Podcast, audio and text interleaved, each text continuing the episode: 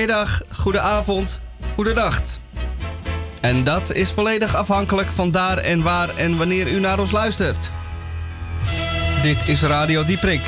Aflevering 1672 in week 40. Dat gaat de tijd toch snel. Absoluut. En wat hebben wij deze twee uur op deze 9 oct 8 oktober voor u in de aanbieding? Allereerst in het eerste uur de Groene Amsterdammer met Tamon J. van Blokland. Uh, ja, Micha. Goedemiddag. Um, de Groene Amsterdammer deze week ook opnieuw in Radio Dieprik, zoals altijd. En uh, wij hebben aan elkaar wel een beetje steun, mag ik toch hopen. Um, twee, uh, twee oude vandaag, die steunen elkaar als ze een moeilijk trappetje op moeten. En dat moeten we eigenlijk elke week. En daarom doe ik het ook. En onze jongste bediende, en ik bedoel dat als een ernstig compliment. Ik geef maar één keer per dag een compliment.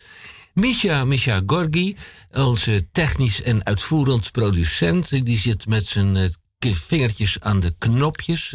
Niet op dat rode knopje drukken, want dan gaat het onweren boven Amsterdam. Uh, maar Misha heeft ook nog een andere kwaliteit. En dat is de DCVM. Dat is een verkorting, en het is een misverstand. Het is geen afkorting, maar een verkorting van de column van Misha.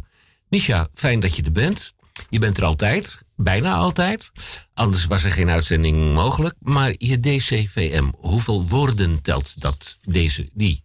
De, die dat deze week telt dat 745 woorden. Man. En ik zal er vast één weggeven als uh, lekkermakertje uh, managementfunctie. Oh, dat is ja. één van de 754 ja, ja, meteen juist. Meteen het goede woord ook gekozen. Ja. Managementfunctie. Je hoeft niet te veel. En dat willen we allemaal wel. Je hoeft niet te veel te kunnen, maar je nee. bent uh, bij uh, de Mac ben je op je zeventiende of op je achttiende ben je al assistent manager. Goed hé. Wow. Kijk, ja. Deze, van, van, alleen sla of ook van de tomaatjes? Uh, dat, een tomaat is goed voor uw prostaat. Oh, daar komen we zo nog even op. Ja, dat uh, gaan we ook dat, nog. Daar uh, daar straks nog iets over zeggen. Het eerste uur staat boorde, boorde vol. Want niet alleen de Groene Amsterdammer en niet alleen de DCVM, maar we hebben ook een bijdrage van de eensterrenchef uit België, meester Theo Boon. En die komt met een drieluik. Nou. Met een drieluik? Iets met ingrediënten? Ja, Iets met het bereiden van ingrediënten? dat een van het drieluik een aardappel zal zijn. En of een bouillonblokje. Nee, dan heb ik al twee. Uh, nee. Wat is die derde dan? Nou, wat is een, of, een, een blikopener. Een anekdote. Ja, een. Of een schaar om het zakje netjes op te knippen. We krijgen straks ook nog even nieuws uit Alkmaar. Waar het Leids, het, Leids ontzet, het Alkmaars ontzet vandaag wordt herdacht. En, ah, ontzet. Ja, ja zeg ik iets, wie was er, moest er ontzet worden? De Alkmaarders, de stad? Ter gelegenheid waarvan? Je maakt me... Ja, dat, uh, dat, dat hoort... Was dat vorige week nog? Heb ik het gemist? Marcel? Uh, dat, dat hoort u nog. Maar u, oh. kunt, u kunt ook wat uh, te drinken krijgen in Alkmaar. En ja. daar, daar gaat het voornamelijk oh, ja. Marcel Plaatsman met een aankondiging. Maar bij Radio Dieperik, niet nadat ik verteld heb... dat u echt moet blijven luisteren naar het tweede uur... want dan herdenken wij Julius Visjager... 1937-2020. Godzaliger. Hij is uh, deze week uh, precies een jaar geleden overleden, verdronken in de ringvaart bij het voeren van de eendjes. Julius Visjager, een eenmanskrant, de Daily Invisible, hoofdredacteur, fotograaf, radiomaker. Uh, wij zijn de erfopvolgers van het programma Hoe bedoel u? Parlementair journalist, laatste vraag bij de persconferentie van de minister-president en, last but not least, eerlid van de parlementaire pers. Maar bij Radio Dieperik Eerst maar even dit.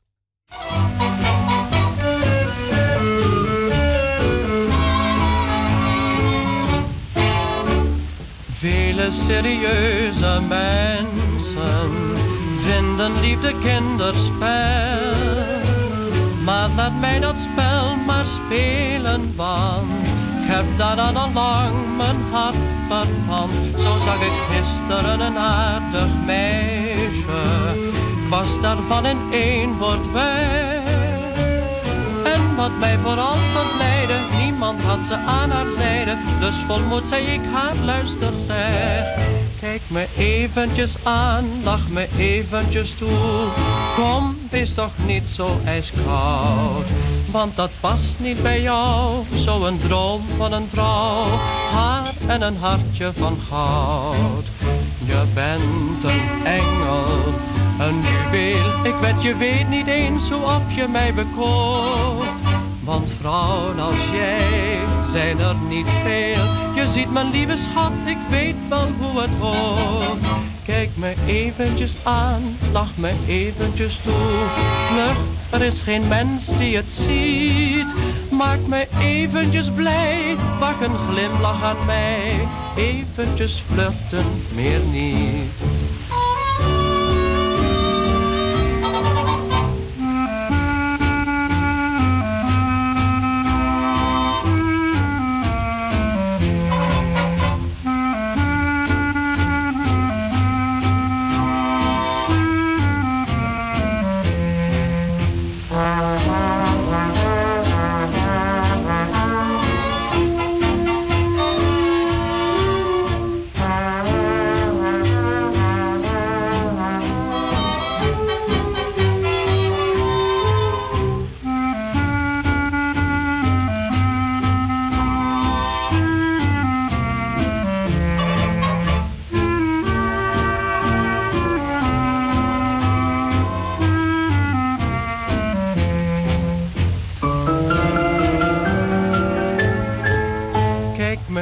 Eventjes aan, lach me eventjes toe. Kom, er is geen mens die het ziet. Maak me eventjes blij, wacht een glimlach aan mij. Eventjes vluchten, meer niet. Klaas van Beek. Eventjes vluchtig, meer niet. Ik eh, vraag mij iets af, eh, mijn heren leden Nou, van vraag de u jury. zich maar gewoon privé wat af. Ja, uh, Misha, jij bent toch Ja. zo jong en veelbelovend. Wat fascineert jou nou toch ten telkenmale in, in deze eh, vergankelijke muziek? Muziek die niet meer van deze tijd is. Ja, dat weet ik zelf ook niet. Maar, Daar je, heb ik geen verklaring voor. maar je valt er wel voor. Ik val er als een blok voor. Geweldig. Als het maar kraakt en... Ja, dat is het. En het heeft een aparte aantrekkingskracht. Er werd toen heel mooi en, eh, laten we zeggen, mooi gearticuleerd gezongen. Door echt geschoolde stemmen. De onderwerpen waren vaak totaal onschuldig. Achterop mijn bagagedrager. Een dagje naar Artis. Ehm, eh, gevaarlijker werd het niet. En ehm, het was altijd een mooi orkest op de achtergrond. En dat was ook altijd weer een live gespeeld in de studio. Dan moet je je voorstellen, een grote studio waar ook een heel orkest kon zitten. En ze gebruikten instrumenten die ook een beetje verdwenen zijn. Zo'n prachtige klarinet of een eh, gestopte trompet. En dan op een, op een eh, zachte en aangename manier bespeeld. Door een, eh, door een fijn swingend orkest. En dat moet, dat moet een, een aangenaamheid zijn geweest in die tijden van radio die achter ons liggen. Maar nu gaan we gewoon heel hard er tegenin.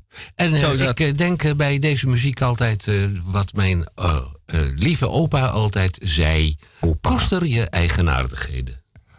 Ja, waar dat dan weer op slaat, dat kan ik niet helemaal eh, duiden. Maar eh, ja, inderdaad, eigenaardigheden. Kijk, je mag van alle muziek houden. Als die muziek niet offensief is en niet persoonlijk tegen jou, tegen jou gericht is.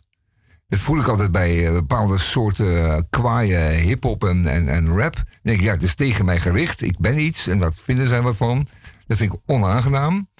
Maar als men de liefde beschrijft of bezingt of eh, willekeurig anders, dan is het voor mij altijd goed. precies. Dan zit het er precies tussenin. Ja, exactly. Mag wel schuren, dwingen, kraken. Maar tegen mij agressief, nee. Dat gaat je net iets te ver. Ja. Hey, en over die eh, kwaliteiten gesproken, Misha. Jij bent natuurlijk ook eh, onze huiszanger, dichter en ook cabaretier. En uh, gitaars, gitaarspeler.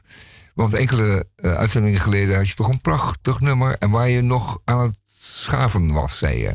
Klopt. Je was nog aan het schaven aan het nummer. Dus Schrijven als je uitgeschaafd wordt- bent, TZT willen we het wel weer horen. Kom ik weer terug, ja. Nou, ik heb Fijntjes. eh, 27 november eh, ga ik optreden in Den Haag. Ja, En eh, 22 januari in Uitgeest. ja. Dus voor die tijd, in ieder geval voor 27 november, moet dan het een en ander wel echt af zijn. Dus ook voor die tijd kom ik het hier Ja, kom het even doen en dan testen doen. we het even hier voor de radio. Ja. Krijgen we nou allemaal opzeggingen en dan weet je dat er nog één en ander aan moet veranderen. Aan moet verbeteren. Ja, als iedereen zijn abonnement opzegt eh ja, dan moet het moet, er iets moet gebeuren. de dieprikbode, dan Ja. hebben we een probleem. 27 november in mailbox. Gravenhagen. En de 22 januari waar? Uitgeest, Uit Geest of All Places. cultureel centrum De Zwaan. De Zwaan. Ja. En ze hebben daar een merkwaardig accent in Uitgeest. Dat is niet Alkmaars.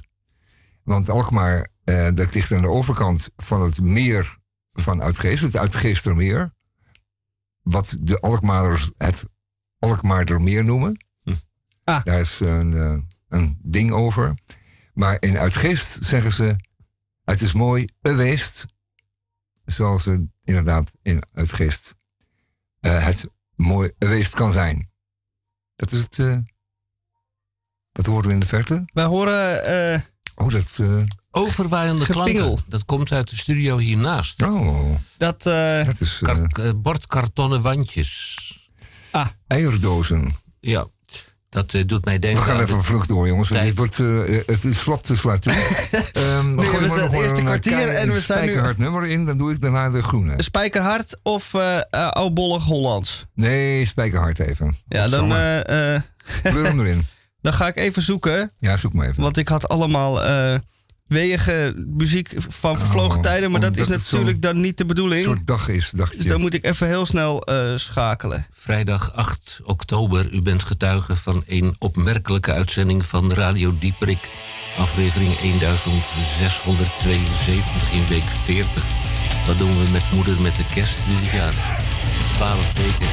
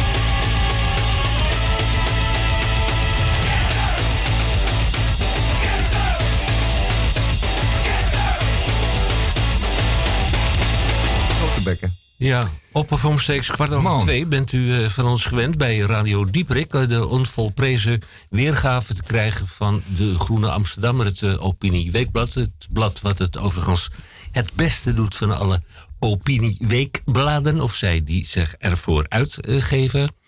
Tamon J. van Blokland heeft een inkijkje genomen en zijn Hij moet nog even weergave bijkomen van de muziek net. Hoort u volgens net? mij. Wauw, dat was goed hè. Nou, we zitten allemaal weer rechtop. En het was even nodig. Groene Amsterdammer van deze week. Eh, we doen dit al jaren. Jaren doen we al de Groene Amsterdammer. En waarom doen we dat? Omdat in de tijd, toen we begonnen, het reeds een, een gewoonte was om het te doen. A. En B. was de Groene Amsterdammer er toen werkelijk erg slecht aan toe. Eh, alles zakte langzamerhand een beetje in elkaar. En dus ook de oplagen en het aantal abonnees van de Groene Amsterdammer. Maar dat is allemaal omgekeerd. Uh, wat zeg het? Uh, wederopstanding. Het begint een, echt een geaccepteerd blad te worden. Vroeger was het, werd er op neergekeken, want het was een, een, een blaffertje. Maar nu is het een grote schreeuwlelijk geworden. En des te beter zou ik zeggen. En ik wil um, nog een cadeau te weggeven. Ja, ja, nog even snel dan. Want Heel ik ben snel, wel want, aan het woord de Groene Amsterdammer was destijds de bijlage van de Daily Invisible Ja. van Julius Visjager. Ja, ja, ja, ja. Wat, wat deed uh, Visjager? Daar zullen we het straks over hebben. Uh, we hebben straks nog een paar anekdotes voor u. Maar één daarvan was dat hij um, de dag voor uh, de Groene Amsterdammer in de kiosk zou liggen. Ging hij dan langs bij de redactie. Stal daar of perste daar af een vijftiental um, Groene Amsterdammers. En die leverde hij dan bij zijn, um, bij zijn blad, de Daily Invisible. En dat laatste blad bestond uit één getypt velletje. Uh, of handgeschreven vaak zelfs. En, um, en dan vroeg hij daar geld voor. En de mensen betaalden dat, want die dachten... ah, dan heb ik lekker een Groen Amsterdammer voor weinig. Maar zo heeft hij wel zijn zakken gevuld. Uh, later bleek hij een heel groot vermogen te hebben opgebouwd. Nou, wat dat gebleven is, dan moet je eigenlijk waarschijnlijk voor naar de Maagdeneilanden of zo. Ik heb geen idee. Goede Amsterdam deze week. Uh, ik begin maar meteen met, um, met de beloftes van China. China, rood China. Ik heb het over rood China. Dat moeten we weer zo noemen, want de Communistische Partij is alomachtig daar in dat land. Er wonen nog steeds 600 miljoen straatarme klojo's, klootzakken die zich laten manipuleren en laten, laten, laten bekoeioneren door die communistische partij. 600 miljoen die werken voor 130 euro in de maand keihard in allerlei sweatshops. Um, waar ze goedkope producten maken op elektronica gebied, maar ook poesemanden, maar ook, ik noem het wasknijpers. U, u, u zegt het en ze maken het daar. En dan wel zo goedkoop door hun goedkope energie en um, door hun uh, lage lonen. Die andere 300, 400, 300 miljoen die zijn op weg naar, um, naar de middelste stand. Uh, de stand waarbij je een flatje kunt kopen en een autootje. Daar moeten we nog op wachten. Dat is ook nog niet zo ver. Maar er is een elite van ongeveer 20 miljoen lid van de partij. En die uh, schijnen het steeds beter te krijgen. Het feit is dat um, China straks naar Glasgow komt om daar um, zijn uh, milieuplannen te openbaren. Nu heeft China, ik tel even met u mee, duizend kolencentrales. Een kolencentrale, dat is een groot vat kolen wat brandt, dat brandt. En waarin uh, water wordt verhit en die wordt naar turbines gestuurd en die wekken dan elektriciteit op middels één as aan één dynamo. Denkt u eens eventjes, duizend kolencentrales. We hebben er ook drie in Nederland. En daar is veel controverse over. Uh, men wil daar vanaf. Uh, we kunnen er vanaf, maar we hoeven er niet vanaf. Maar daar gaan we vanaf, omdat we vinden dat het niet meer juist is om kolen te verbranden en die um, gassen de lucht in te sturen. Maar duizend, daar kun je niet tegenaan. Dat zijn er te veel. En ze zijn niet van plan om die voorlopig te sluiten. Ze hebben het over 2060, maar dat duurt nog zo lang. Tegen die tijd is de wereld wel uh, overstroomd, CQ uh, uitgestorven. Dus dat gaat echt niet meer gebeuren. Um, want er geldt daar maar één adagium. En dat is denken van Xi Jinping over het socialisme met Chinese kenmerken in een nieuw tijdperk. En dat nieuwe tijdperk, dat is het uh, tijdperk waarbij China oppermachtig zal zijn. Alle laten we zeggen, uh, agressiviteit, die hieruit klinkt. Hè? Dus dat is het nieuwe rode boekje, zou je kunnen zeggen. Wat uh, um, opgevolgd moet worden, omdat daar geen richtlijnen in staan, maar gewoon keiharde voorwaarden voor de burger in China. Um, die worden allemaal um, uitgevoerd en gehandhaafd vanwege dat streven om de hegemonie uh, te verwerven over de wereld. Zijn we allemaal helemaal niet blij mee. Echt niet. Wat we moeten doen. is het volgende. China op uh, gepaste afstand houden. Net als een, uh, een ongevraagde zwager. Hm. Of, een, of een oom die junk is, die elke keer voor de deur staat. Zo, zo, zo moet je het zien. En gisteren, gisteren kocht ik bij mijn Turkse elektronica leverancier een kabeltje. Een optisch kabeltje van 1 meter lang. Dat kostte 3 euro. En dat was werkelijk iets te goedkoop. En dat kan nogmaals omdat men daar van hele goedkope energie zich bedient. En die mensen gewoon geen salaris geven, maar een loontje. 130 euro per maand. Daar gaat u het ook helemaal niet voor doen. Dat doet u al nooit, maar dat is sinds 1880 eh, echt wel voorbij in Nederland. Um, er staan er ook nog 50 uh, conventionele kernreactoren in China. Wat ze met um, de afval daarvan doen, of als die dingen gesloopt moeten worden, uh, daarmee doen, is ons ook niet bekend. Dus ga ervan uit dat China een grote hand zal hebben in de vernietiging van de wereld. Uh, daar kun je bijna op wachten. Een slecht vooruitzicht. Hm. Zal ik er verder op ingaan? Het is een stuk van Jan van der Putten, uiteraard. Uh, voormalig correspondent van de Volkskrant in China, maar ook van andere kranten. En die kent de zaak en die kan door die Chinese blabla heen lezen, kijken. Uh, we moeten ze echt tegenhouden, dat is echt serieus. Vooral die uh, Chinese Communistische Partij, die heeft het zeer hoog in de bol. Is zeer wreed voor de burger. En langzamerhand straks ook voor de wereld. Wat ze aan het doen zijn op dit moment, en dan eindig ik daarmee, is Taiwan imponeren. met, ehm, met allerlei agressiviteit om dat, Taiwan in te kunnen lijven een keertje. Zoals de Russen dat met de Krim hebben gedaan. Is van China van plan om dat ook met Taiwan te doen. Want daar staan onder meer machines van AMSL. AMSL. En die willen ze graag in handen krijgen. Want die krijgen ze anders niet in handen. En ze vinden dat onvoorwaardelijk om een defensieindustrie te kunnen bouwen die zich kan meten met de Amerikaanse. Dus bedankt en het uh, ziet er slecht uit voor ons. Als we niet samenkomen in onze afkeer van de Chinese Communistische Partij. Ba, driewerf ba. Nou, dan nog maar eens even wat leuks. Hè? Dan toch maar. Uh, iets leuks over de formatie? Nee. Hm. Uh, energiearmoede, is dat een onderwerp? Nee, daar worden we helemaal zagrijnig van. Want uh, als jij in een huisje woont met enkel glas, en je bent lekker aan het stoken en dan komt echt een koude winter, wat men zegt. Het flauwekul nou weer schijnt te zijn, maar goed, koud is koud. Zeggen ze elk jaar. En ja, nee, dat maakt ook niet uit, maar ze wil wel wezen. En met 20 kun je nog stilzitten, maar als het 15 graden wordt in huis, kun je niet meer stilzitten. Ja, dan krijg je het gewoon koud en steeds kouder. Kun je eigenlijk alleen maar in je bed kuipen. Dus 15 is ook te laag. Dat is met je enkel glas. Ben je er al vlug aan. Um, dus dat, daar gaan we het niet over hebben. Dat is erg genoeg. Ik kan niet erger maken. Ehm, dan een stuk over buitenlandbeleid. Het is een serie van aan de informateur adviezen voor de komende vier jaar. Um, uh, ja, nou ja, goed. Uh, het gaat over het buitenlandbeleid van Nederland. Nederland zegt altijd, het is een heel kleintje. We hebben niks te vertellen, dat is helemaal niet waar. Want we bulken van het we lopen ons knieën door, door, de poen. We hebben geïnvesteerd in zo'n beetje alles.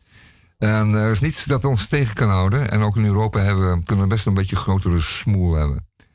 Dan, dat gezegd hebbende... Gaan we het niet over Mosul hebben, want het is helemaal treurnis, kommer en kwel. Dan wel over, een klein stukje dan maar even, over uh, de stad Amsterdam. Kijk, we wonen in deze stad en uh, dit programma is ook bedoeld voor deze stedelingen. En wat blijkt nou? De gemeente Amsterdam en zijn ambtenaren vinden dat ze het beste weten. Wat bedoel ik daarmee? Er zijn allemaal vormen van inspraak en, laten we zeggen, vertegenwoordiging. Een een, een, een gemeenteraadslid is tenslotte gewoon een vertegenwoordiger van het volk bij de macht. Maar wat gebeurt er nu en wat lijkt er gaan gebeuren, is dat die ambtenaar als het ware te dicht tegen de macht aankruipt en zegt van nou, burger, ik vind het wel een aardig idee, maar dat gaan we echt niet doen, want wij hebben al lang uitgemaakt wat goed voor u is. En dat moeten we ook nog eens een keertje gaan bestrijden. Dus we krijgen het echt druk en eh, gelukkig is daar de groene om ons daarin te leiden. Ja, en dan uh, Eh, dan een, een beetje merkwaardig verhaal van Guus Kuijer. Leest u dat in de Groene Amsterdammer? Eh, u kunt hem gewoon krijgen in de kiosk voor een paar piek. Of u kunt zich abonneren. En dan komt hij elke donderdag op de mat. En ik ga echt helemaal niks zeggen over, ehm, over de Maagdeneilanden. Want, bedacht ik me laatst, waar het maar Maagdeneilanden. Hm. Hè, daar heeft niemand het over. Er is geen maagd meer op de Maagdeneilanden. Als Hoekstra is geweest. Toch? Zeker. He did dwell. He had a beautiful daughter, the truth you I'll tell. Oh, the truth you I'll tell. She had sweethearts of aplenty and men of high degree. None but Jack the sailor, her true love there could be. Oh, her true love there could be. Now Jackie's gone a sailing with trouble on his mind. He's left his native country and his darling girl behind. Oh, his darling girl behind.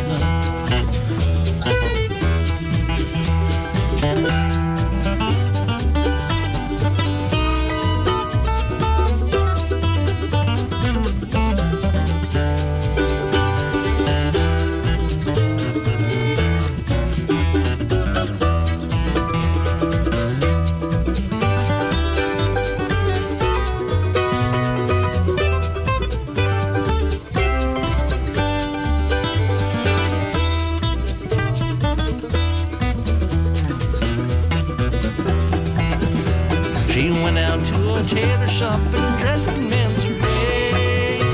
She climbed on board a vessel to convey herself away. Oh, convey herself away. Before you get on board, sir, your name I'd like to know. She smiled all in her countenance. They call me Jack O'Rourke. Oh, they call me Jack O'Rourke. Slender, your fingers they are small. Your cheeks too red and rosy to face the cannonball. Oh, to face the cannonball.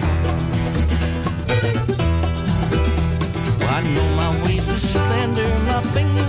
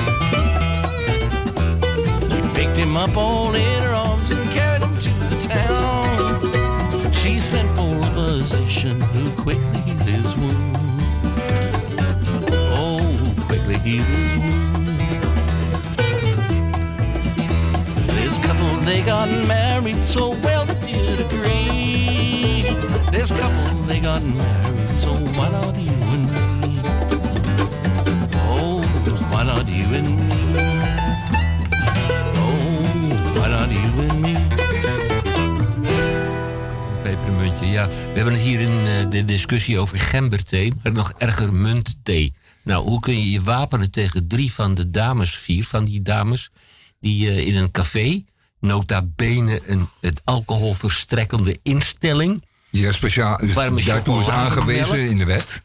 warme chocolademelk Twee met- vergunningen. Met, slagroom en of muntthee bestellen. Nou, ik heb daar de oplossing eh, op gevonden. Ik zeg tegen de uitbater, de gebreventeerde uitbater van de Estaminet... Zodra er van die dames binnenkomen, ik zei het op een wat andere manier. Zodra er Ja, je zei wijven, maar dat, Ja, dat kunnen we niet herhalen. Zodra de dames binnenkomen die muntthee, massaal muntthee gaan bestellen, zeg je dat je munt is uitverkocht en eh, dat je het niet kan leveren. En ik betaal dan die drie of vier eh, muntthee eh, wel. Als eh, eh, legaal, eh, wettig en overtuigend alternatief voor de uitbater. Ja, ja, ja, dat lijkt me de beste oplossing. En dat kunnen we ook aan toepassen bij de gembertheehozen. Dus je gaat naar het café en je zegt van als er binnenkomen en ze bestellen met z'n vieren gemberthee, dan zeg je dat de gemberthee is uitverkocht. En dat je dat ook niet voorziet snel te kunnen leveren. En dan betaal ik die gemberthee wel. Kijk, En op die manier zal het ook wel weer uitdoven. En dan ben ik zo benieuwd wat de volgende wordt. Ja. ja, Kruidnagel, ik durf er niks, eh, niks te zeggen. Nou, je hebt nu al eh, eh, citroengras. citroengras een, thee. ja, maar dan wel gemengd met iets anders. Citroengras, ah, vlierbloesem. vlierbloesem. Ik heb een eh, getal in mijn hoofd en dat Dat zijn getal van die heksendrankjes. Ja, het wordt, het wordt steeds... eh, Ja, ja, ja. Je hebt ook heksenkaas. Meisjesthee. goed. Ik heb een getal in mijn hoofd en het getal dat luidt 745. Hardop uitgesproken 745. En dan hebben we het over de column. De DCVM, de column van Misha. Ik draag doorgaans geen riem. Maar omdat de broek die ik in de ochtend aangetrokken heb... om een of andere reden van mijn kont afzakt... had ik geen andere keus. Het is woensdag en het weer is plots aangenaam. Wat de temperatuur betreft. De zon zit enigszins verstopt achter wat wolken... maar het is best aardig te doen. Na een beetje gitaar spelen ga ik enthousiast op een terras zitten. Voor het laatst dit seizoen wa- waarschijnlijk. Even buiten relaxen en een verhaal schrijven. Op een terras van een eetcafé met een riem die ik doorgaans niet draag. Ik drink wat en staar wat ongeïnspireerd voor mij uit. Wanneer ik de noodzaak voel naar het toilet te gaan. In dit café zijn de toiletten gesitueerd bovenaan een 2,5 meter hoge trap. Na deze beklommen te hebben kan het toiletbezoek beginnen. Het gaat volgens een vast ritueel. Alles eruit, broek dicht, handen onder de kraan. Al dan niet eerst ingezeept. Haartjes weer terug in de oorspronkelijke in de warpositie brengen en gaan. Terug naar buiten, terug naar het ongeïnspireerde gedrag op het terras. Ik moet wel nog even de trap af, maar dat is voor iemand met mijn elegantie geen probleem. Vol van zelfvertrouwen en met de juiste dosis swoon daal ik af. Ik kijk nonchalant als een echt H&M-model naar beneden en zie plots dat mijn riem loshangt. Dat is gênant. Helemaal vergeten. Maar ja, ik draag doorgaans ook geen riemen. Ik schaam mij dood. Alsof je bij de Oscar-ontreiking onderuit gaat. Onherstelbare imagoschade betekent dat vaak. Om te redden wat er nog te redden valt, probeer ik een, ach ja, kan mij het nou schelen, ik kan het hebben hoofd te trekken. Maar mijn paniekerige handbewegingen en waterige oogjes verraden de schaamte. Voor een volle eetzaal voor aap staan. Fijn. Niet dat iemand het overigens doorheeft. Men is veel te druk met naar hun eten te kijken of gemaakt enthousiast reageren op elkaars managementfunctie. Maar toch, de pijn en verdriet zijn er niet minder om. Ik heb mijzelf een verwaarloosde uitstraling gegeven die ik nou juist zo graag wou vermijden. Ik zit in zak en as als er zich een wonder voordoet. Iemand die nog meer voor lul staat. En waarom is dat goed? Omdat dat dan mijn sneuheid teniet doet. Ik zit buiten en er stappen een man en een vrouw de eetzaal uit om buiten te roken. Lekker weer hè, zegt de man. Doelend op de aangename temperaturen op dit tijdstip. Sorry, zegt de mevrouw. Lekker weer hè, herhaalt de man. Nu nog vol zelfvertrouwen. Ja, ja, het bier is hier lekker, antwoordt de vrouw ongeïnteresseerd. Maar ik drink nu wijn, zegt ze kortaf. De man probeert nog een poging te doen het te herstellen, maar het komt niet verder dan zijn wenkbrauw te fronsen en een kort en een raar geluid te maken. Dan geeft hij het op. Er komt het besef dat dit een stom en inspiratieloos gesprek wordt met een vrouw die er ook geen zin in heeft. Maar ze zitten er nu en moeten toch minstens helemaal uitgerookt zijn. Het leek zelfs voor mij uren te duren, dat gesprek. Oh, wat stond huis voor paal. Oh, oh, wat gênant. Voor oh, oh, wat heb ik opeens gelasfeer. van mijn tweedehands John Travolta imitatie met losse riem. Hey! Hey,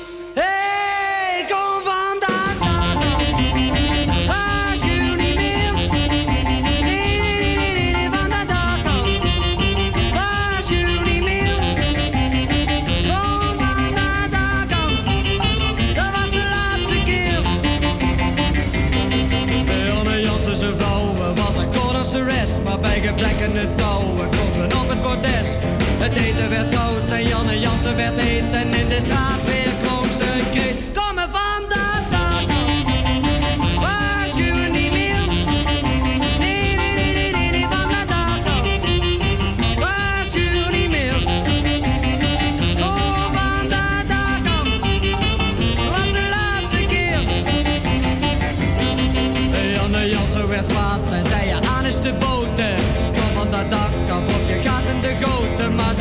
schrok zich wil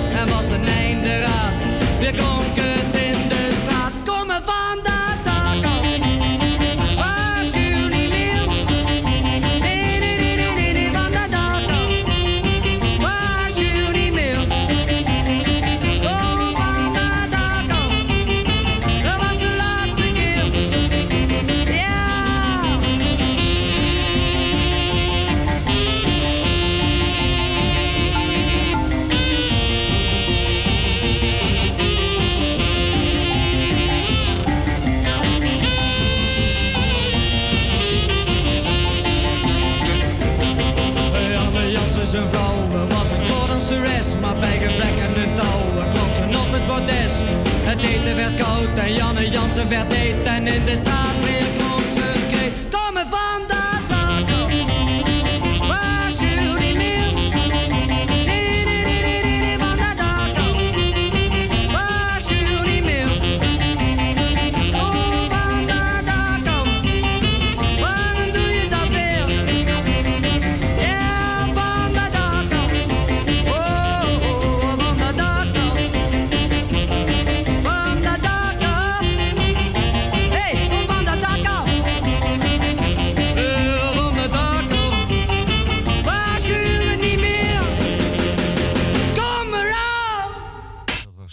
natuurlijk eh, komt van het dak af. Ook van het dak af kwam. Eh, dat is meester Boon. En meester Boon die heeft een drieluik voor u. Luister en huiver. Luisteraars, een goedemiddag in mijn rubriek AGF. Mijn naam is Boon, Theo Boon van voorheen het één sterrenrestaurant De Peulvrucht.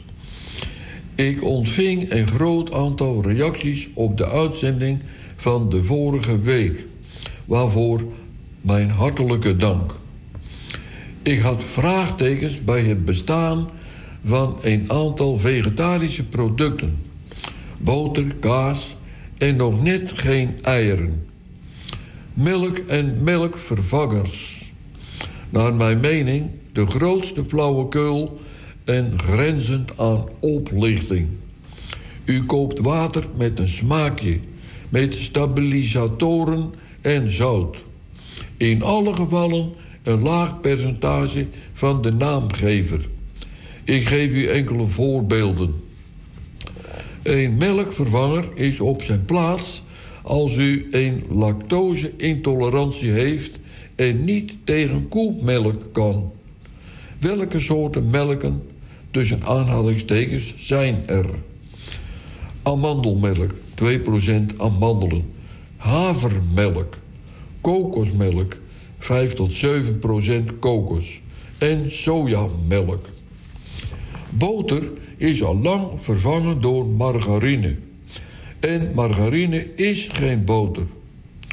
Plantaardige smeersels als vervanging. Ik heb er een bij voorkeur.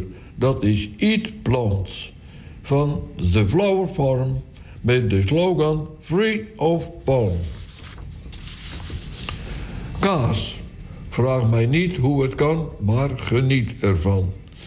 Kaas tussen aanhalingstekens, gemaakt van amandelmelk en cashewnoten. Vegetarische haring bestaat niet. Maar er zijn visproducten. Nou ja, visvervangers. Gemaakt van, schrik niet, bananenbloesem. Doppetjes gevuld met caviar. Bestaat niet. Wel een caviarvervanger. Voor wat het waard is. Caviar gemaakt uit zeewier. Ja. En de AGF in de openingszin. AGF stamt voor aardappelen, groenten en fruit. Tot slot, heren en dames, ook. Een tomaat is goed voor uw prostaat. En een banaan is multifunctioneel. Nou, Ja, daar zijn we even van, stil van. ja die tomaat. Ja, Eh, maar het woord seks is nog niet gevallen. Nee, We zijn aan bijna aan de- het einde van het eerste uur. Oh ja, nu is het wel gevallen. nu wel. Maar we hoeven er verder niet op in te gaan. Nee. Een eh, goede eh, Tomaat is dan nog genoeg al. meid is op haar toekomst voorbereid. En de banaan is multifunctioneel. Functioneel, ja. Ja, nou, dat is fijn. Het eh, tweede deel van het drieluik van meester Theo Boon. Uit mijn tijd als één sterrenchef in restaurant De Peulvrucht... de lijst van herinneringen. Aflevering nummer 7. Het echtpaar van tafel 13.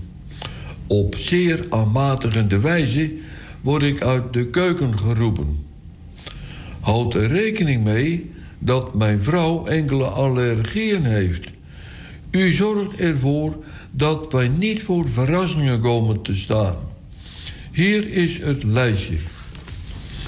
Lactose-intolerantie, koemelkallergie, kippen-eiwitallergie, tarweallergie, pindaallergie en sojaallergie. Schaal- en schelpdieren en ook smaakversterkers zijn uit den boze. Oh ja, varkenvlees en wijn met sulfiet. Wat kan ik bij u bestellen? Een taxi, mevrouw en meneer. Zal ik u alvast de jassen aanreiken? Ja, wat kan je dan nog bestellen? Kan je dan nog bestellen? Ik zat te denken aan rode bietjes. Nou, ik zat te denken aan een glaasje water. Ah, Nou, de manier waarop Met eh, een blokje meester ijs. Boon dit eh, heeft opgelost, eh, denk ik, eh, ja, is onovertroffen natuurlijk. Hè? Ja, ja, ja, ja. ja, die zien we nooit meer terug. Een taxi. En zal ik u die jassen aanreiken? Ja, het gaat gewoon niet en dan eh, op hoge toon eisen dat je, dat je dat dan krijgt. Ik bedoel, er blijft dan niets over. Weinig. Het derde deel van de drieluik van meester Boon. Ik eh, heb geen flauw idee waar hij het over eh, heeft. Uit Moet mijn ik dacht dat dit het derde deel was. Nee, er komt nog een derde. Oh, laat maar komen, laat maar komen. Zeg maar twee, dan zeg maar nee, dan krijg je er drie. Uit mijn eigen keuken. Bananenbrood, gezond en lekker. De benodigdheden. 150 gram bloem. 2 theelepels bakpoeder. 1 theelepel kaneelpoeder. Een snufje zout. 50 gram suiker. Of te vervangen door honing. 2 grote eieren. 100 gram lichte olijfolie en 3 rijpe bananen. De bereidingswijze. Verwarm de oven voor op 180 graden. Prak de bananen egaal, en, eh, tot een egale massa. Voeg de suiker en een snuf kaneel toe en meng of met honing in plaats van suiker. Voeg vervolgens de eieren toe en meng weer. Zeef de bloem en het bakpoeder boven de kom en meng met het beslag. Voeg nu de olijfolie en een snuf zout toe en meng. Met chocolade eh, snippers en een toevoegsuggestie. Of geroosterde amandelen snippers. Bekleed in bakvorm met bakpapier en giet hier het beslag in. Gaar het bananenbrood in de oven voor ongeveer 45 minuten. Check met een satéprikker of het bananenbrood gaar is. Laat circa 10 minuten afkoelen alvorens aan te snijden. Serveer een plak met een bolletje ijs, chocolade of vanille of met wat Grand Marnier. Dames en heren, ik wens u met dit gerecht een smakelijk eten en tot de volgende keer. Nou, Grand Marnier in je eten, dat is lekker. Eh, maar dan moet je er ook wat bij drinken natuurlijk. Ja, dat begrijp ik heel goed. Nou, flikker overal maar alcohol in, daar wordt het beter van. Maar wat is er gebeurd met die oude breinaald die er vroeger altijd in moest in het uh, af te bakken product? Dan moest, en, en nu doe je een satéprikker in en dan Ja. moet hij daar zonder kleven uitgaan. En dan zou het gaar zijn, maar die satéprikker die kan je wel wegflikkeren. En dat is niet de- de bedoel- bedoeling natuurlijk, want zo'n zo'n breinaald kon je gewoon afvegen. is niet goed voor het milieu. eh. Nee, Nee. is de verkeerde kant op gaan. Hè? Dus die breinaald die mag terug, wat mij betreft. Terug naar de breinaald. Ja, Dit gezegd hebbende. Dit gezegd hebben, gaan we even ja, dat is luisteren. ook voor de luisteraars van Radio Dieperik natuurlijk niet onbelangrijk om te weten dat er morgen nog gewoon een bierfestival is. Er is Eh, er morgen een bierfestival. in Alkmaar eh, dit weekend, omdat eh, daar eh Alkmaar Succes wordt gevierd. Vandaag natuurlijk, op 8 oktober, de dag dat de Victorie begon. Maar daarop aansluitend dus ook morgen en overmorgen een bierfestival. Met op alle tweede dagen 11 brouwerijen uit Noord-Holland. Niet op elke dag dezelfde, dus je kunt ook twee dagen gaan. Van 12 uur tot 9 uur, van 12 tot 21 voor de getallenliefhebbers. Eh, in hal 25 in Alkmaar. Eh, echt vlakbij het station. Je loopt er eigenlijk gewoon direct op aan. Eh, er is een speciale brug ooit voor gebouwd die het eh, soms doet en soms niet. Maar vanmorgen doet hij het en overmorgen ook. Alle bierliefhebbers daarheen. Ja, dat gaan we dan doen. Vraag me wel af wat het dan moet gaan kosten. Ja, eh, tickets eh, kosten ook iets. Ook, iets- daar, zit, daar zit ook weer een soort getallen symboliek in. Maar Ah. eh, ze kosten aan de deur 21,50. Eh, of nee, zeg ik, ik zeg het verkeerd toch. Enfin, kijk gewoon even op nhwf.nl. Ze kunnen NHBF, Noord-Hollands Bierfestival.nl. Dit weekend. Maar 21 euro voor een ticketje om naar binnen te mogen, om daar alsnog. Maar laden ze je dan binnen vol met bier? Of wat Is dat dan inclusief de. Dan gaan we eens even kijken. Inclusief de, de proeverijen. Of moet je dan weer per biertje ook weer eh, betalen? Ja, en krijg je er een handje nootjes bij. Dat is ook wel van belang. Eh, je krijgt een startpakket. Startpakket. Aan de deur is dat 22,50. Man, En dat is een startpakket. Dat is de entree en vijf munten. En hoeveel kost één biertje dan? Meestal twee munten. ook dat toch wel. Twee nou à weer een oneven ge- getal. Zodat je er eentje overhoudt en weer geld bijlegt om dat ene muntje dan ook ja, weer te... Ja, ja, ja. Nou, dat is eh kleinstedelijk, kleinsteedse kruidenierderij. Hollandse handelsgeest. Hollandse, Hollands geleefd, beleefd. Ja, Ik ja, dacht dat we er vanaf waren. Jij bent maar- al geweest, zo te horen. Ja, nee, nou, nee. Eh, dus vijf muntjes en dan heb je er eentje tekort. Fijn dan. Ehm, nou ja, goed, we gaan wel. eh, we gaan voor, eh, uiteraard. ja, we gaan voor eh, Marcel. Marcel is een gewaardeerd medewerker. En het is tenslotte maar één keer per jaar. In Alkmaar dan. Andere steden hebben het ook allemaal. Hè? De Haarlems Bierfestival, het Gouds, het Haags, het Leids, het Amsterdams en wellicht ook nog veel meer. Ja, het Bokbierfestival bestaat niet meer helaas. Nee? Oeh, Nee. Daar staat een heel interessant verhaal over. Oké, we draaien nog wat muziek, eh, want we sukkelen een beetje tegen het einde van het eerste uur. Nou, wij eh, eh, kunnen dan misschien in één keer doorfietsen naar eh, het volgende onderwerp. Ja. De Krompraat. Oh ja, laten we dat even doen. Want er zijn weer een paar fraaien bij. We hebben weer wat, eh, die, die wel explicatie eh, nodig hebben. Nou, En eh, ik heb er hier één. En ehm, dat is. ehm, en dat is eh, de, de, de. Ja, dat is de. Ja. Ja, ja, ja. Veel in het nieuws tegenwoordig. Maar ik weet er zo weinig van. Die, die doe ik dan maar niet.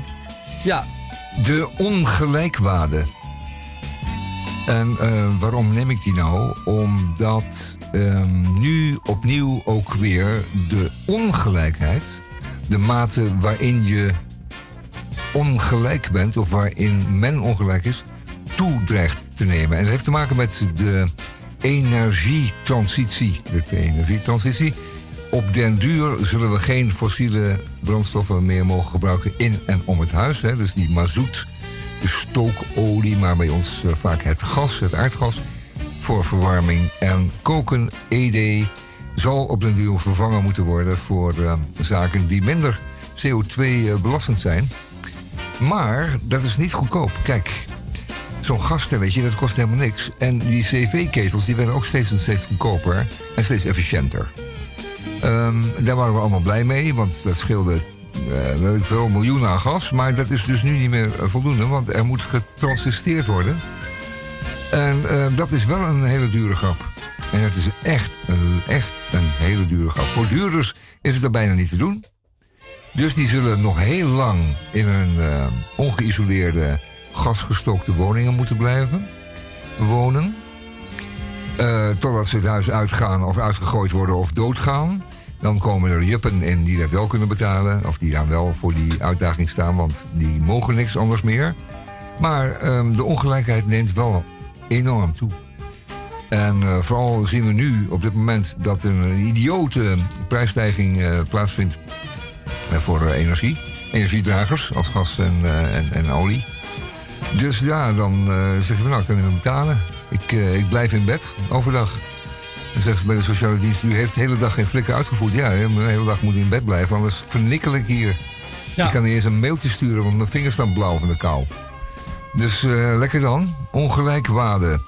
De wade in dit geval, de lijkwade, dat is een doek die over het dode lichaam wordt geplooid als men eh, ofwel het graf dan wel de kist ingaat. En eh, die kan ook eh, wel eens verschillen van die van een ander. In de zin dat het ene een ongebleekt katoenen is van de Albert Kuip.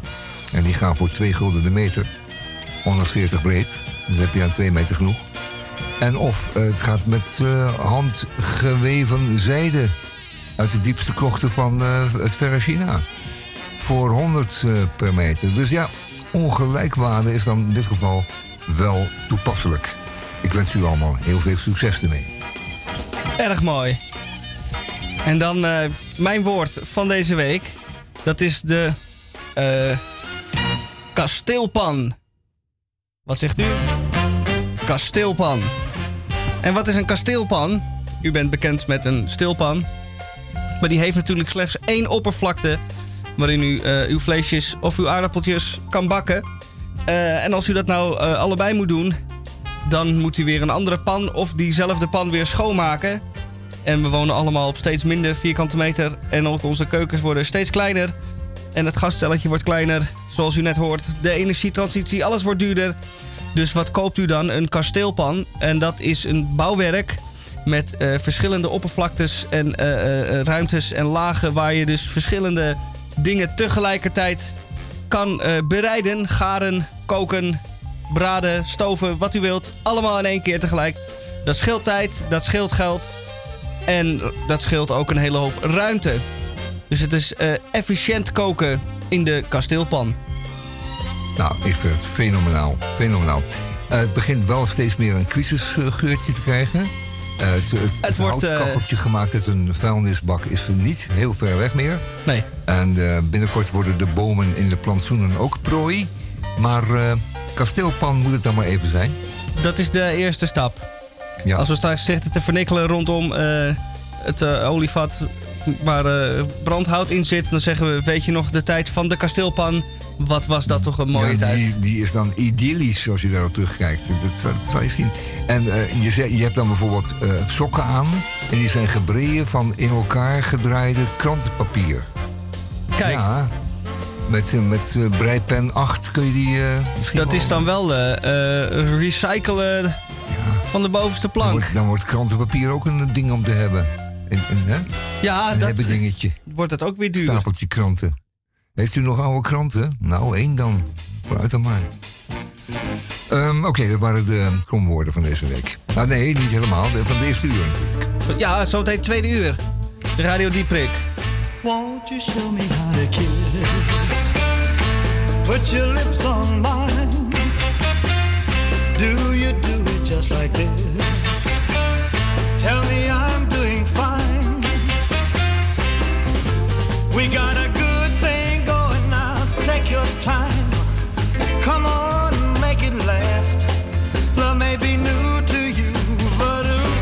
I'm catching on fast. Give, give, give me all you got to give. Love, love, love every moment you live. Now you've taught me all you know.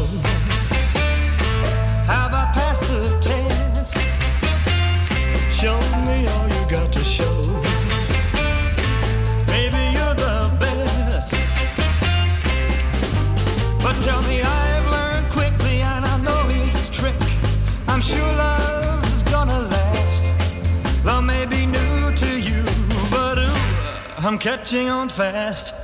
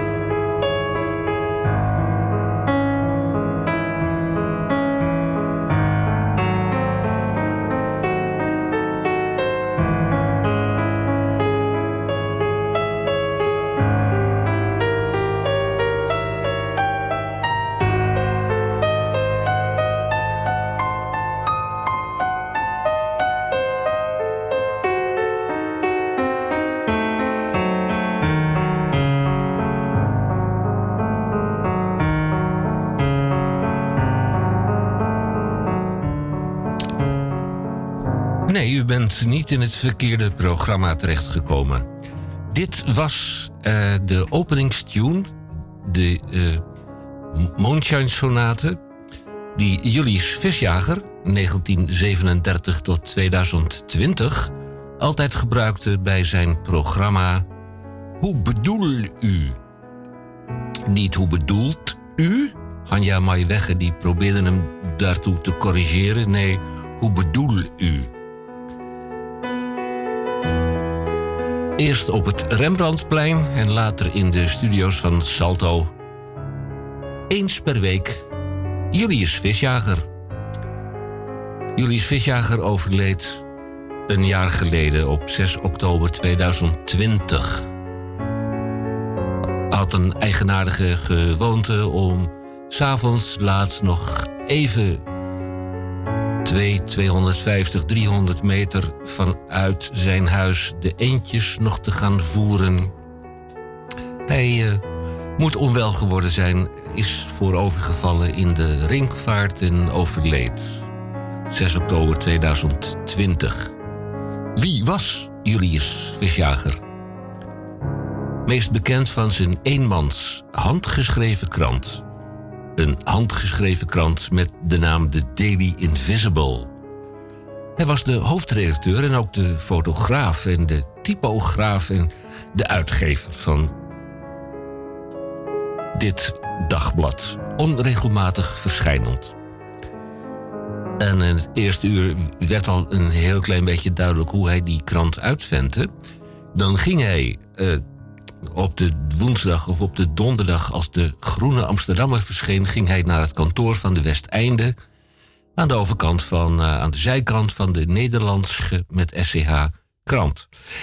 En daar haalde hij 15 tot 20 groene Amsterdammers uh, haalde hij op. Althans, hij nam ze in beslag en zonder betaling liep hij daarmee de deur uit. En dan ging hij, hij dronk geen druppel, hij rookte niet. Dan ging hij naar de kroegen op en rond het Spui en de Spuistraat. En dan verkocht hij de eenmanskrant The Daily Invisible als uh, bijlage, nee, de Groene Amsterdammer als bijlage van de Daily Invisible. Julius Visjager had ook nog een uh, andere kwaliteit. Hij was radiomaker. Radio, hoe bedoel u? Ik herhaal mezelf. En hij had het uh, merkwaardige fenomeen om in zijn eigen radioprogramma tijdens de openingstune. om altijd met flapperende jaspanden te laat binnen te komen. Ja, en dan gebeurde er ook gedurende de duur van de uitzending. En ik werd ooit eens een keertje benoemd als de adjunct-redacteur van de Orde en de Nazorg. Zei hij met een piepend stemmetje: Jij moet de Rijksvoorlichtingsdienst nog even gaan bellen. Want ik moet zo dadelijk naar Den Haag. En wat vervult die vraag? De Rijksvoorlichtingsdienst. En Julius Visjager. Hij ging dan met de trein naar Den Haag om de laatste vraag bij de vrijdagse persconferentie van de minister-president te stellen. Ja, en er stond ook een piano ergens. En die bespeelde hij dan. En hij heeft uh, Rutte, Mark Rutte, heeft hij menigmaal uitgenodigd om met hem samen de piano te bespelen. Nou, hij bespeelde de piano eigenlijk in de vorm van alsof hij het carillon van de Dom in Utrecht bediende. Hij is op uh, diverse plaatsen eruit gesodemieterd, zoals hij zelf zegt. Café Eilders. Daar mocht hij op dinsdagavond spelen, maar hij joeg de mensen daar weg. En hij heeft ook gespeeld in de openbare uh, bibliotheek, die nieuwe. Even voorbij het Centraal Station. En daar werd hij door de beveiliging, als hij anderhalf uur speelde, werd hij bij kop en kont gepakt. Ik was daar zelf een keer getuige van werd hij op straat gezet. Ja. Ook in Arti kreeg hij het moeilijk met het management. Hij speelde van 9 tot 10. Ja, en die mensen wilden schaken of een potje kaarten of met elkaar babbelen onder het genot van een sigaretje. Je mocht nog roken, Julius rookte niet. Had er ook geen last van.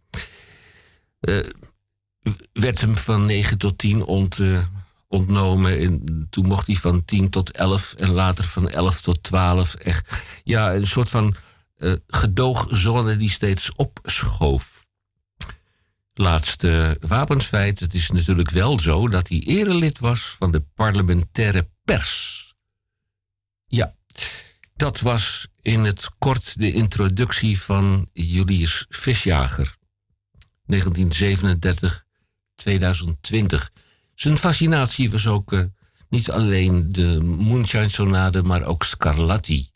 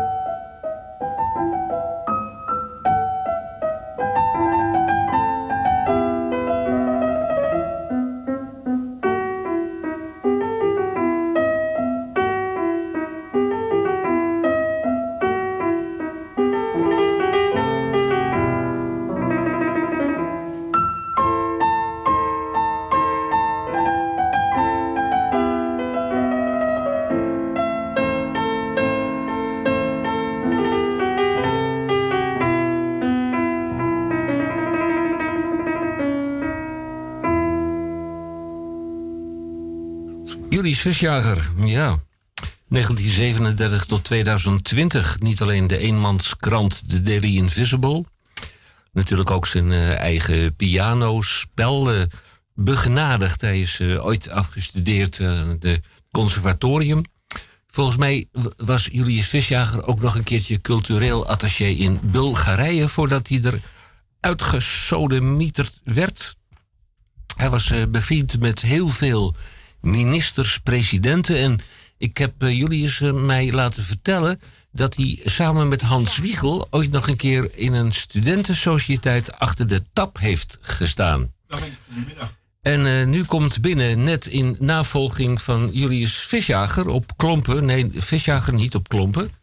Maar ja, dit is Julius Visjager. U weet wel, van de Daily Invisible. ja, Marcel Bruins, Brandsma Maar met een D. met een D. Buitenlandcorrespondent. Buitenlandcorrespondent van Julius Visjager. Uit Tbilisi. Eh, Marcel, je lijkt een beetje op eh, Visjager, want die kwam ook altijd te laat in zijn eigen programma. Pak een stoel, ga Maar ik zitten. dacht, ik geef jou een beetje de ruimte. Eerst zitten. Zitten. Zit. Zet ik nog een koptelefoon op? Eh, Moet niks. je moet helemaal niks. Goed, eh Brandsma.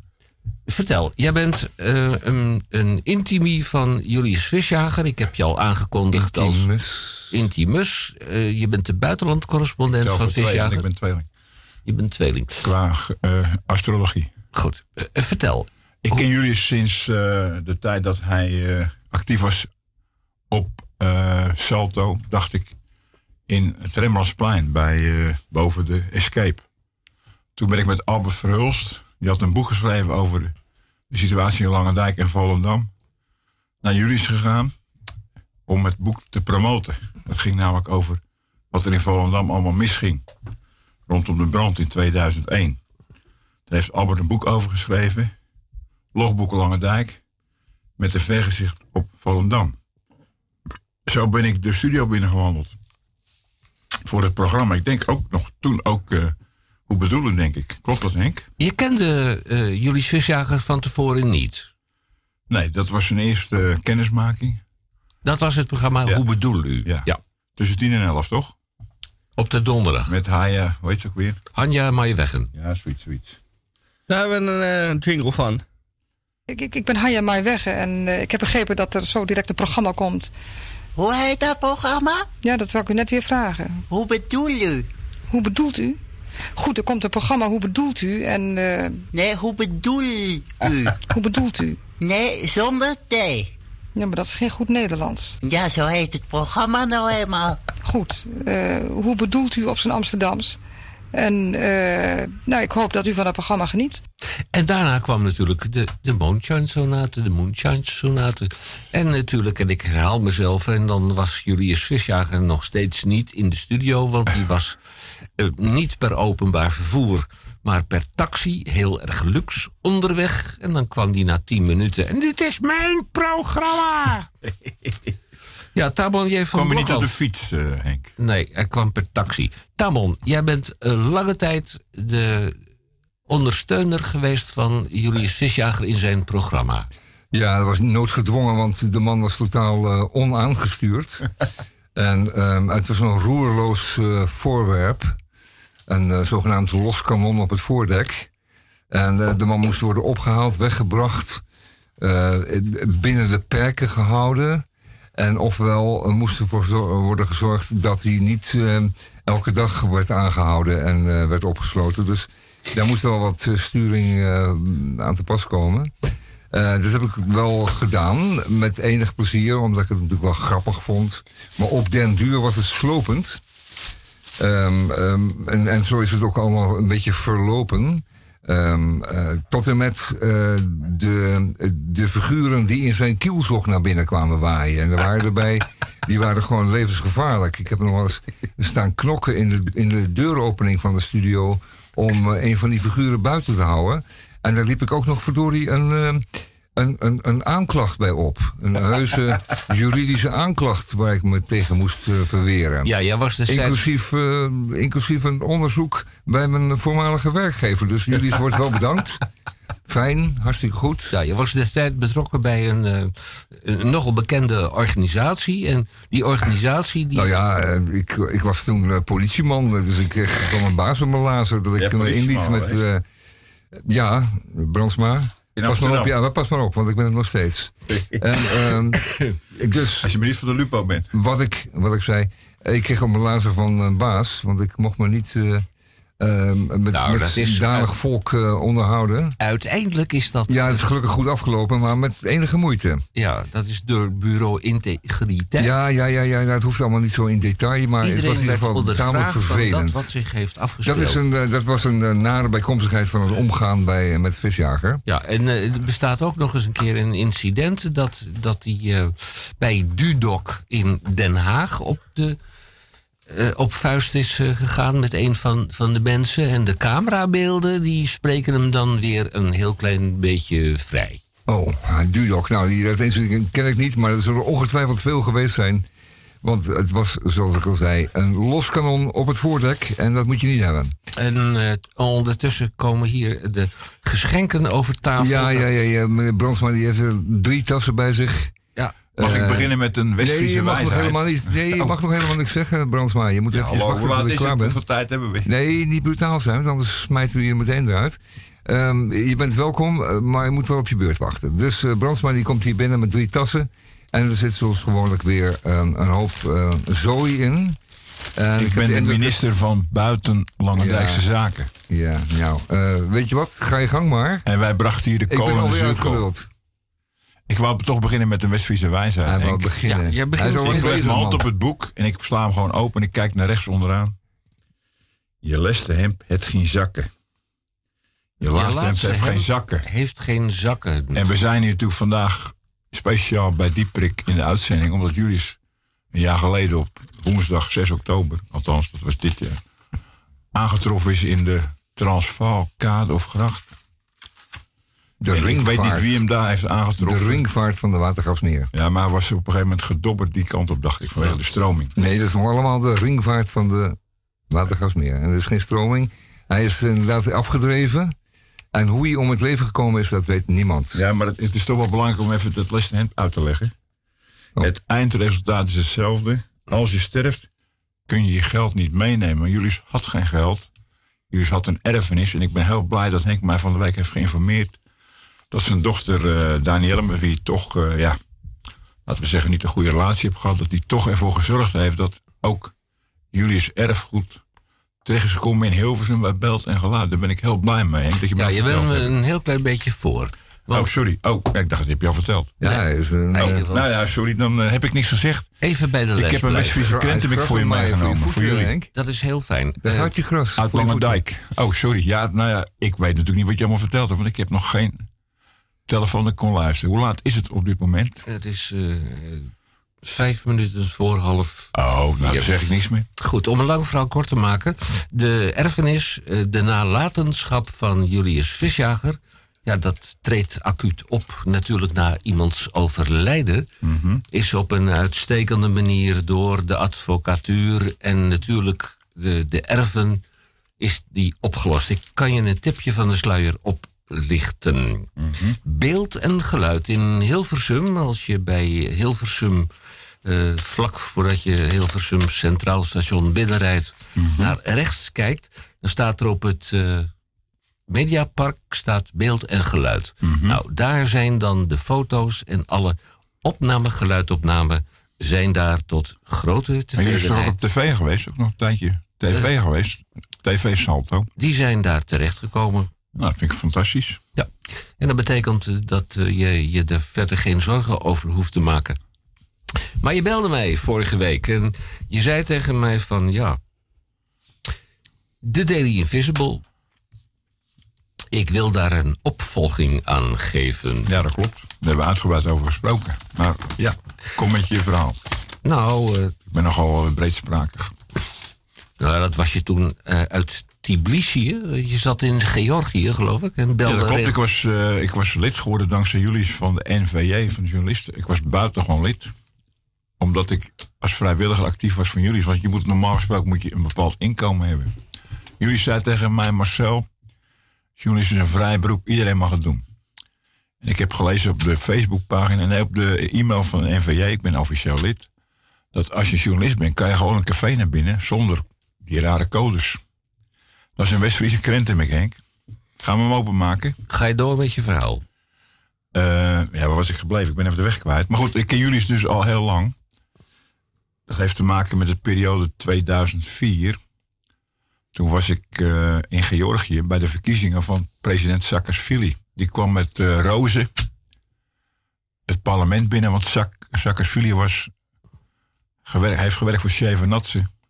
De laatste minister van Buitenlandse Zaken van de Sovjet-Unie. Die heeft samen met Gorbachev de boel opgeblazen. En hij was getrouwd met een Zeeuwse. Met Sandra Roelof, de first lady. Hij is eigenlijk onze schoonzoon, Mich Michael Saakashvili. Hij heeft de verkiezing gewonnen, maar was ook de enige kandidaat. Dus dat is makkelijk natuurlijk. Goed, hoe kom jij dan uiteindelijk, als je daar in een verre oor zit, oord zit...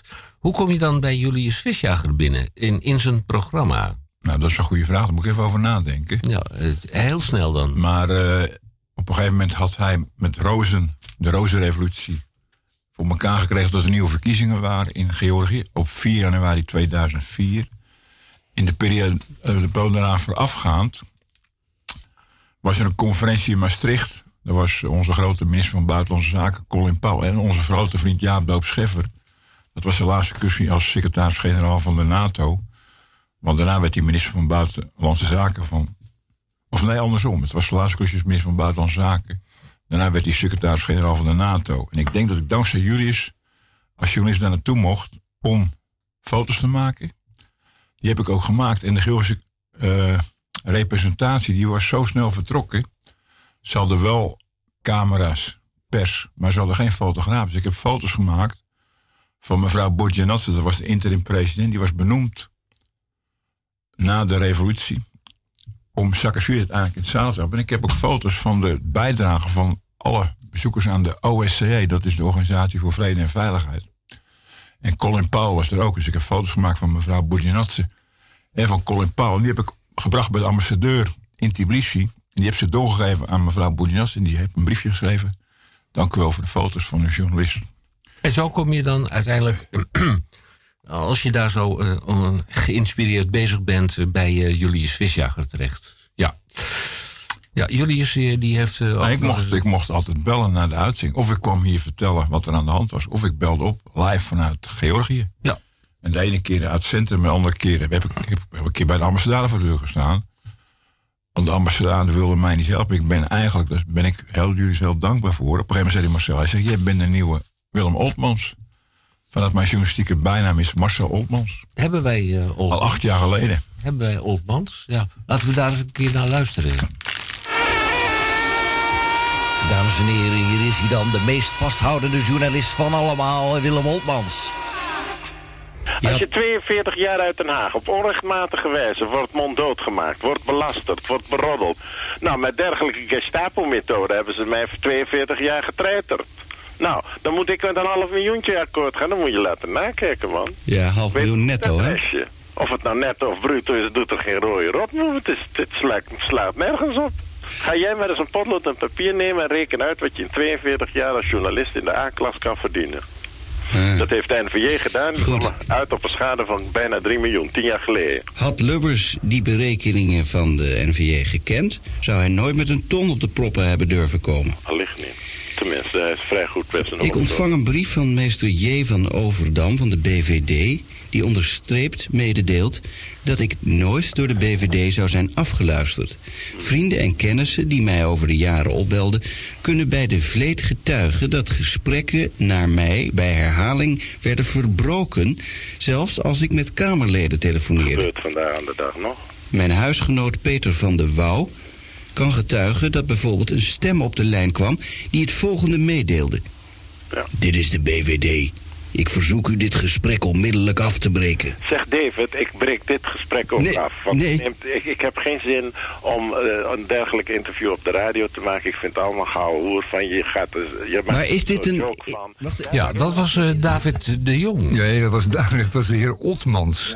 en de heer Otmans die heeft eh, in de tijd bij ons in het programma eh, vaak ingebroken. Hij was ook soms aanwezig.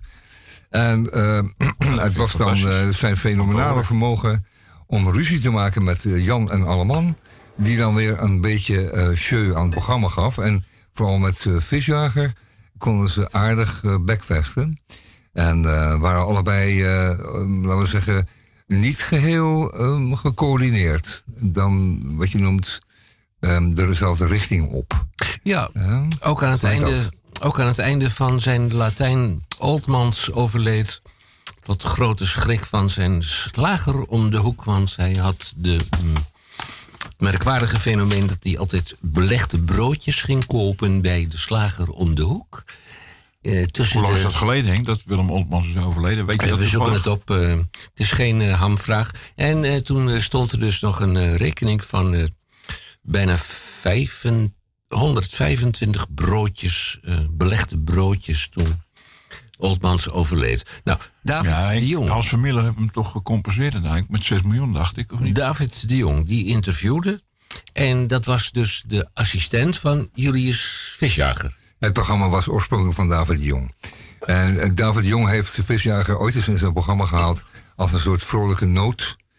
Tussen alle gekkigheid in. Ehm, als je die programma's van toen beluistert, dan hoor je dat David de Jong toen echt aan het begin was van zijn eh, radiocarrière. Deed veel typetjes, veel rare stemmetjes. En eh Visjager paste daarin. Op een dag was David de Jong helemaal klaar mee. Die werd helemaal gillend gek van Visjager, zoals iedereen altijd op den duur gillend gek werd van eh, Visjager. En eh, toen heeft Visjager die frequentie georven, althans dat uitzendmoment. Mm. Toen had hij natuurlijk ook geen technicus meer. En toen heeft de man, eh Visjager, in het blad van de, het, het, eh, het, het, afdelingsblad van de PvdA een advertentie gezet. Ik zoek één technicus voor mijn radioprogramma. En toen kwam jij in beeld. Ja, en dat heb ik toen een tijd gedaan tot ik dacht van jeetje, dit wil ik wel blijven doen, maar dan zonder visjager. en zo is het gegaan. Ben je toen je eigen programma begonnen? Nou ja, Nou. dat werd het dan. Want die is er met die den prik. duur. Ja.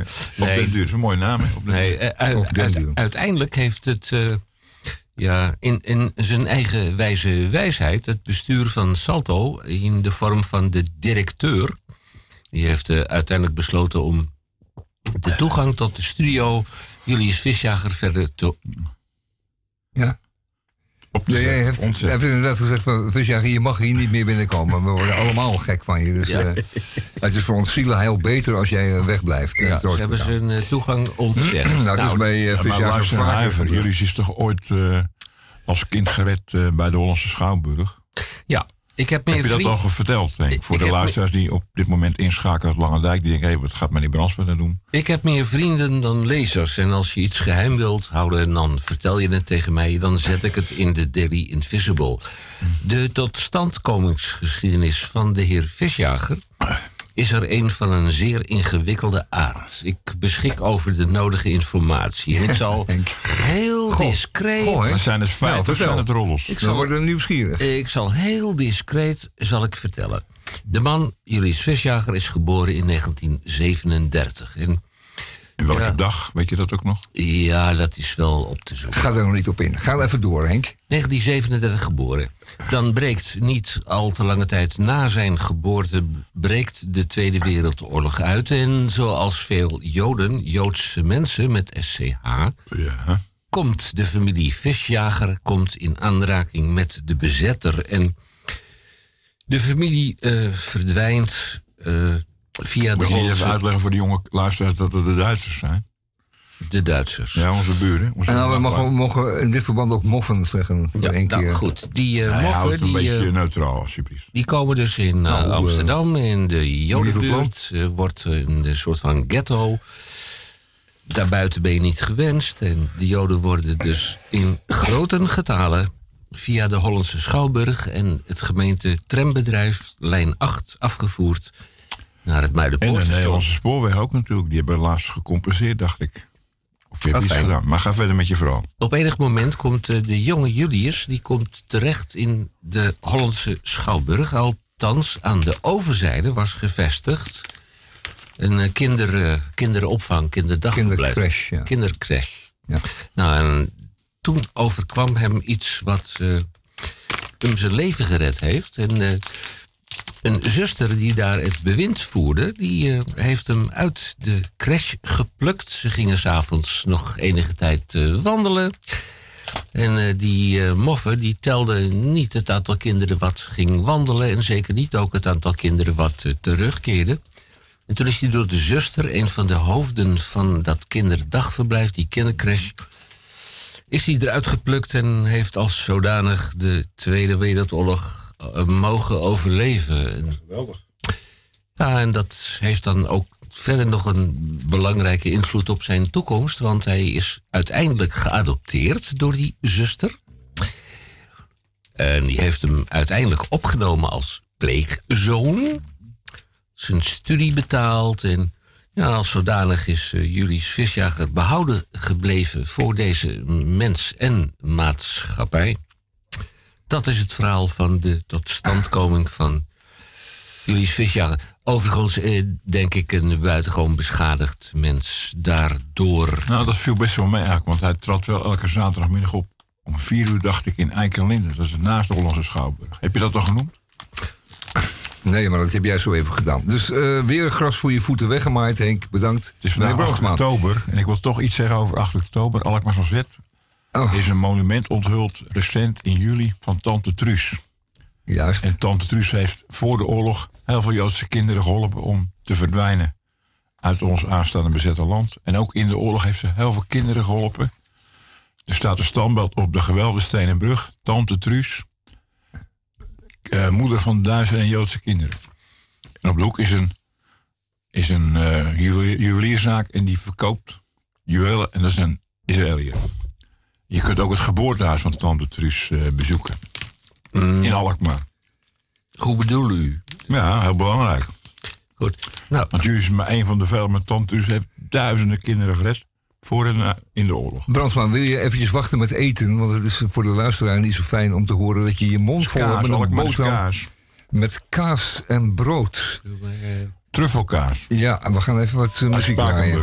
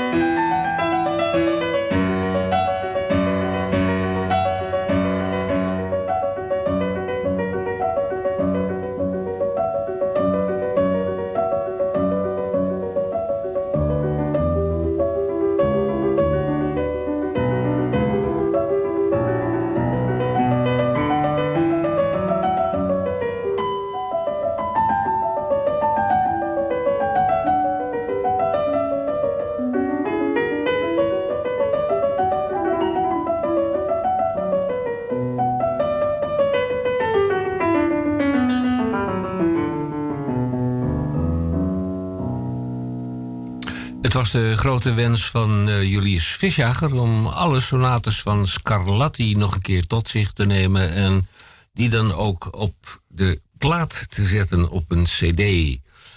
Ja, Julius die, eh, was natuurlijk bekend bij eh, heel veel minister-presidenten en het, hij bezorgde op, een enig moment voor dat meneer Van Acht eh, buitengewoon verrast werd. Van Acht die eh, kort voor de verkiezingen van 1981 landde op het vliegveld in South Carolina. Van Acht zou een eredoctoraat ontvangst nemen. Stond daar als enige Julius Visjager. Dat eredoctoraat was van acht eh, bezorgd door Jan van Houwelingen, een eerzuchtige, naar het pacifisme neigend Kamerlid. dat vooruit wilde in de wereld en na de verkiezing in het kabinet, tweede kabinet van acht. Ja, nou, Van Houwelingen. eh, met Van Houwelingen onderhoudt Van Acht geen vriendschappelijke contacten meer. Maar met Julius wel. Nou, en dan had Julius, die had ook warme contacten met de P van de A voor de jonge luisteraars die niet weten waar P van de A voor staat. Dat is de Partij van de Arbeid. Ja, hij is eh, benoemd in eh, diverse commissies. Er was een commissie en die heette eh, de vooruitgang of... eh, Nou, die, die kan je wel uit de droom helpen, Henk. Eh, Die commissies werden speciaal voor hem gecreëerd. Omdat hij zich een, een plaats opeiste in, of dichtbij het bestuur van eh PvdA toen. In die jaren. Ik was zelf een bestuurslid van de PvdA in onze afdeling. En ehm eh, Visjager kwam ook elke, ehm, elke vergadering die wij belegden, eh, genoten of ongenoten. En we moesten hem daaraan plaatsgeven, want anders stelde hij vragen die ons allemaal in verlegenheid zo niet in wanhoop bracht. Dus wij moesten iets met hem. En anders eh, was hij alleen maar aan het woord. We moesten hem een taak geven. Dat hebben we toen afhankelijk van eh, weet ik veel, on de pet stond of het rokje waaide, hebben we hem gegeven. Ehm, en hij is daar erg gelukkig geweest, geloof ik, bij de PvdA. Hij ging daar echt eh prat op. Ja, P dat, was da- dat was daarvoor. Hij was daarvoor inderdaad eh, een kabouter. Hij eh, stelde, hij kon zich enorm aanstellen, die visjager. En reed toen op een scooter met een rare helm op. En eh, viel iedereen in de reden. En eh, was ontzettend vervelend en dwars. Uh, normaal Amsterdammer, begrijp ik. De parlementaire pers. Ja, heeft- de parlementaire pers. Elke Hey. vrijdag moest hij daar Ik naartoe. wil hè, weet even zeggen dat we even moeten praten over Anna Politkovskaya. Nou, dat hoeft niet per se nu. vermoord, ga, je, ga je gang, Henk. Ja, Henk? maar, eh, de, even parlementaire, gang. de parlementaire pers heeft Julius Visjager nog een keertje in het ootje genomen. Op een eh, overduidelijke manier. In zijn postvakje in eh, Den Haag eh, ligt er op enig moment een uitnodiging van Gerard Reven. Gerard Reven die schrijft aan Julius Visjager dat hij hem zo graag een keer de hand zou willen schudden. Nou, Julius Visjager, ook een soort van ongeleid projectiel, die stapt op zijn eh, rode scooter. En die gaat dan, volgt denkt, denk ik, Richting. noordwaarts de afsluitdijk over, dan rechtsaf en dan kom je bij Greon Terp. Dat was het toenmalig stulpje van Gerard Reven. Nou, hij stapt daar voor de deur uit en ontwaart daar een van de drie vriendjes. Eh, weet ik veel van welke drie, maar Gerard Reven heeft dat goed beschreven. Ontwaart daar een van de drie vriendjes van Gerard Reven. En hij zegt: Ik ben Julius Visjager en ik kom voor Gerard. Nou, die is er niet. Die is niet thuis. En als hij al thuis was, dan wenst hij u niet te ontvangen. Maar Julius Visjager ontwaart achter een eh, wapperend gordijntje de tronie van hm, de ponum van eh, Gerard Reven. Nou, en eh, dus dan komt dat hoge stemmetje van Julius Visjager komt weer eh, van te pas. En ik ben toch uitgenodigd en ik ben niet voor niks op die rode scooter. Enzovoort, enzovoort, enzovoort. Nou, en eh, ja, eh, Reven komt naar buiten en pakt de spade. Dat heet een spade. Een spade is een schep.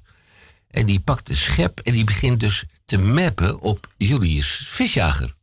Het had hem dus zijn handen kunnen kosten, want dat is natuurlijk een belangrijk instrument, bespelend orgaan. Ja, nou, daar is de Rijks eh eh, Koddebeier is er aan te pas gekomen om de zaak in de minne te schikken. Ja, Dat is een uh, kodder bij, hè? en Koddebeier is de, de man van de, van de toenmalige Rijkspolitie. Ja, eh, Gerard Reven heeft ook nog eens een keer een gedichtje geschreven. Oh, jongen op je, je rode scooter en je grote jongenstoeter. Dat is voor de mensen die door kunnen denken.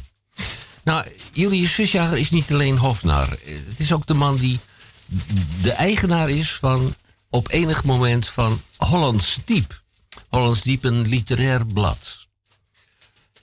Eigenaar, zeg je? Ja, hij was eigenaar van Hollands Diep. Men heeft hem eigenaar gemaakt. Oh, oké, om, om er vanaf te zijn. Iemand moest het doen en dat was visjager Ja, geworden. en hij schreef daarin belangwekkende artikelen. Ja, ja, ja, ja, Onder meer over een bezoek van hem aan... Bijvoorbeeld Gerard Reven. Nee, maar ook aan, vooral aan het Vaticaan.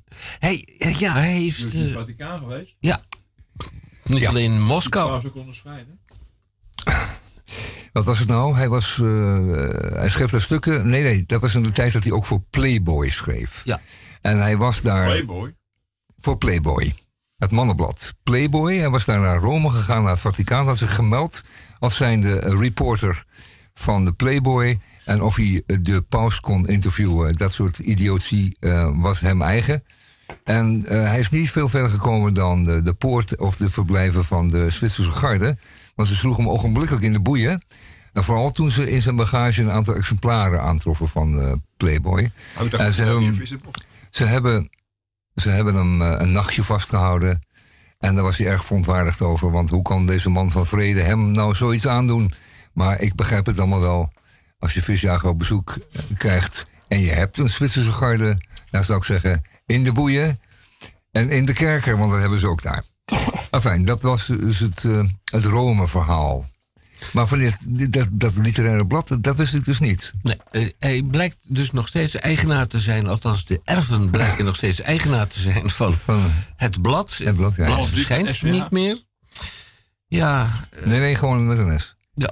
En, en eh, ook, ook zijn eh, fenomenale eh, uitnodigingen voor vertederingsconcerten, daar komt het niet meer van. Daar heeft hij heel wat mensen het bloed mee onder de nagels eh, vandaan gekregen. Want eh, dat stelde hij altijd voor als er op het hoogtepunt van het conflict tussen groepen, eh, partijen of eh, mensen eh, zich op, opwierp of eh, zich tussendrong. En dan voorstelde om een vertederingsconcert te geven, zodat die alle koppen weer, alle harten weer één kant op stonden. Jullie Swisjager is twee keer in Langendijk geweest. En is daar Nieuws uit Langendijk. ontvangen. Hij heeft twee keer opgetreden in de Paterfoon, dat is van een kennis van me. Daar staat een pianola. Daar heeft hij twee keer een vertedigingsconcert gegeven. Hij is opgehaald door de boerenkoolkoning en één keer door de geest uit de polder, Dirk Keppel. En geen enkele wanklak is daar ontstaan. Wij waren ontroerd door zijn fantastische... Beet, is dat Beethoven van de, Moons, Moon- de, de Maanschijn Sonate? Scarlatti heeft hij gespeeld. Mijn allerbeste vriend meneer Vroegop... die zit in de paardenhal. Die gaat, alle, alle beurzen gaat binnenkort weer naar Zuid-Laren. Die viel in slaap. Zo vertedend was hij bezig. Ehm, ik wil even iets weten van de, de geestesgesteldheid van eh, je collega Lange Dijkers. Zijn ze allemaal van de pot gerukt Ja. of eh, ben jij eh, numero uno? Ik ben geboren en getogen in Broek op Langendijk. Ben ik geboren als katholiek. Ik ben een katholieke allochtone Broek op Langendijk. Mijn vader was in de jaren 48, 49 marconist in Sumatra en Java. Dat ik sigaren heb meegenomen van die prachtige eilanden. En in 1950, op het Suezkanaal, speelde zich af in Alkmaar de volgende tafereel. Mijn opa stond daar kleding te verkopen van Beddevoets, Brandsma. Begon in Friesland. Daarna gepromoveerd naar Arnhem en in Alkmaar. En hij dacht, gadverdamme, Zuurko, maar wel een goede klant. Dat was Klaas Kramer, de tweede van de generatie Kramers. Langendijk is bekend van de kool en de zuurkool. En wij zorgen al eeuwenlang voor de vitamine C, voor de VOC, voor Amsterdam, voor Rotterdam. U hoort eh, Marcel Voor de minima en de maxima. En dat is een eh, vertrouweling eh, geweest van Julius Visjager. Ja, die behoorden ongeveer tot hetzelfde contingent, zou je kunnen zeggen. Het, het contingent van, eh, Paradijsvogels. van eh, loslopende, nog niet geïnterneerden. Ongeleide projectielen. Julius Visjager van de eenmanskrant eh, handgeschreven Daily Invisible. Dus samen als dat. Op eh, 6 oktober van een jaar geleden, 2020, werd het lichaam van Julius Visjager gevonden in de ringvaart aan bij de Linnaeusstraat, vlakbij zijn woning in Amsterdam-Oost. Een plek waar hij vrijwel dagelijks kwam om de eendjes te voeren. Ja, het verdient nog even vermelding dat het water daar 40 centimeter diep is. Ja, en als je onwel raakt en je valt voorover, dan ja, van leven ga je dood en de dood moet een oorzaak hebben. Zo eindigt het verhaal van Julius Visjager.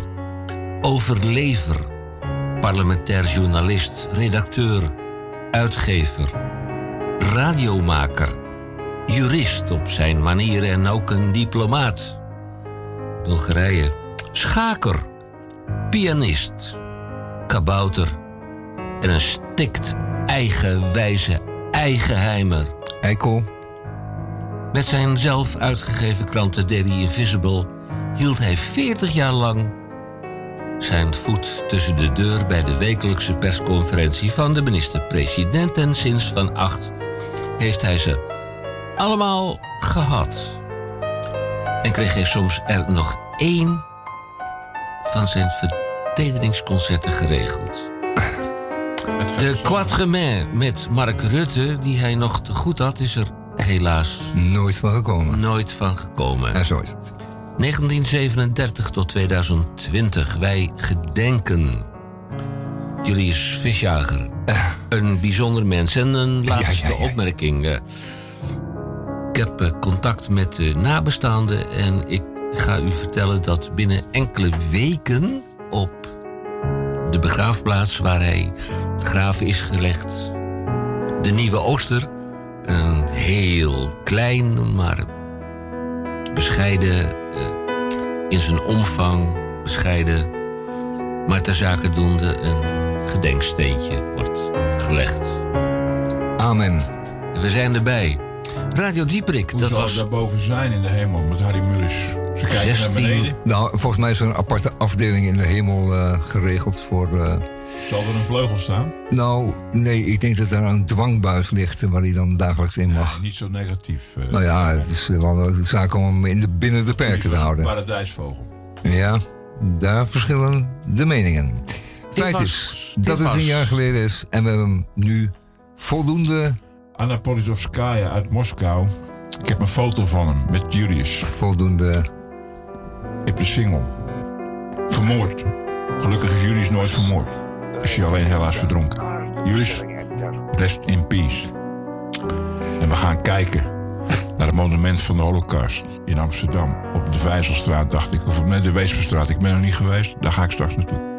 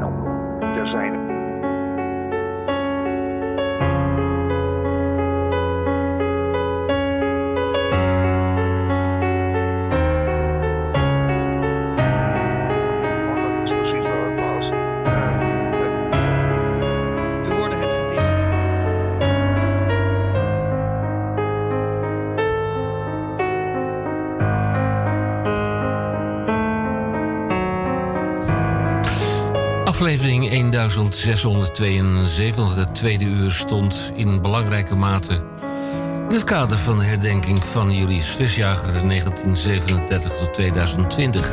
Van deze uitzending roep ik mm, onze technische directeur en uitvoerend producent Tamonier van Blokland en in de techniek Misha Gorgi.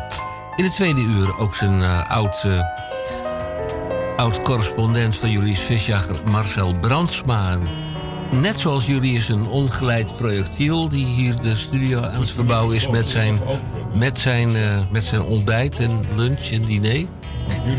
Wij eh, komen terug eh, de volgende week. In week Volgende week weer. 41. 73. 1673. We gaan kijken welk jaartal dat is.